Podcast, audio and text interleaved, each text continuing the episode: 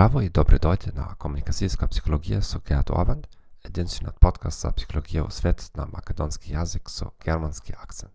Денес ќе зборуваме за самосаботажа. Самосаботажата е добро истражуван концепт во емпириска психологија кој опишува ситуации кога поединецот избира дејство што е потенцијално штетно за неговата или незината итна изведба.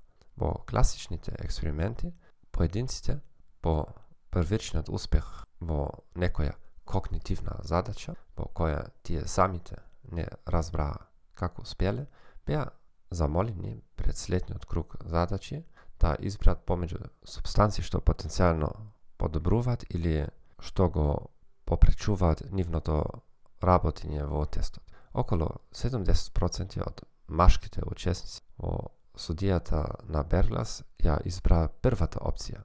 Јако многу мина може би прашуваат зошто поединец би постапил толку глупаво, во други студии жените се доста персетивни во разбирањето на ситуацијата. Учесници само сакат да имаат изговор за еден неуспех.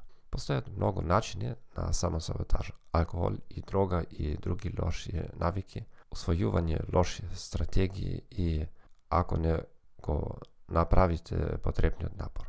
Го знаете овој феномен. Студентот кој оди на забава пред испит, алкооличар, пријател кој ако не пиеше ќе биде следниот Джими Хендрикс или Ернест Хемингуей. Зошто луѓето прават само саботаж? Истражувањето нуди неколку објаснувања. За заштита на собствената слика, ако не успеам тоа не е за тоа што не сум паметен, туку за тоа што едноставно не се обидов доволно. За заштита на нечи социјален статус. Мажите се саботираат почесто од жените.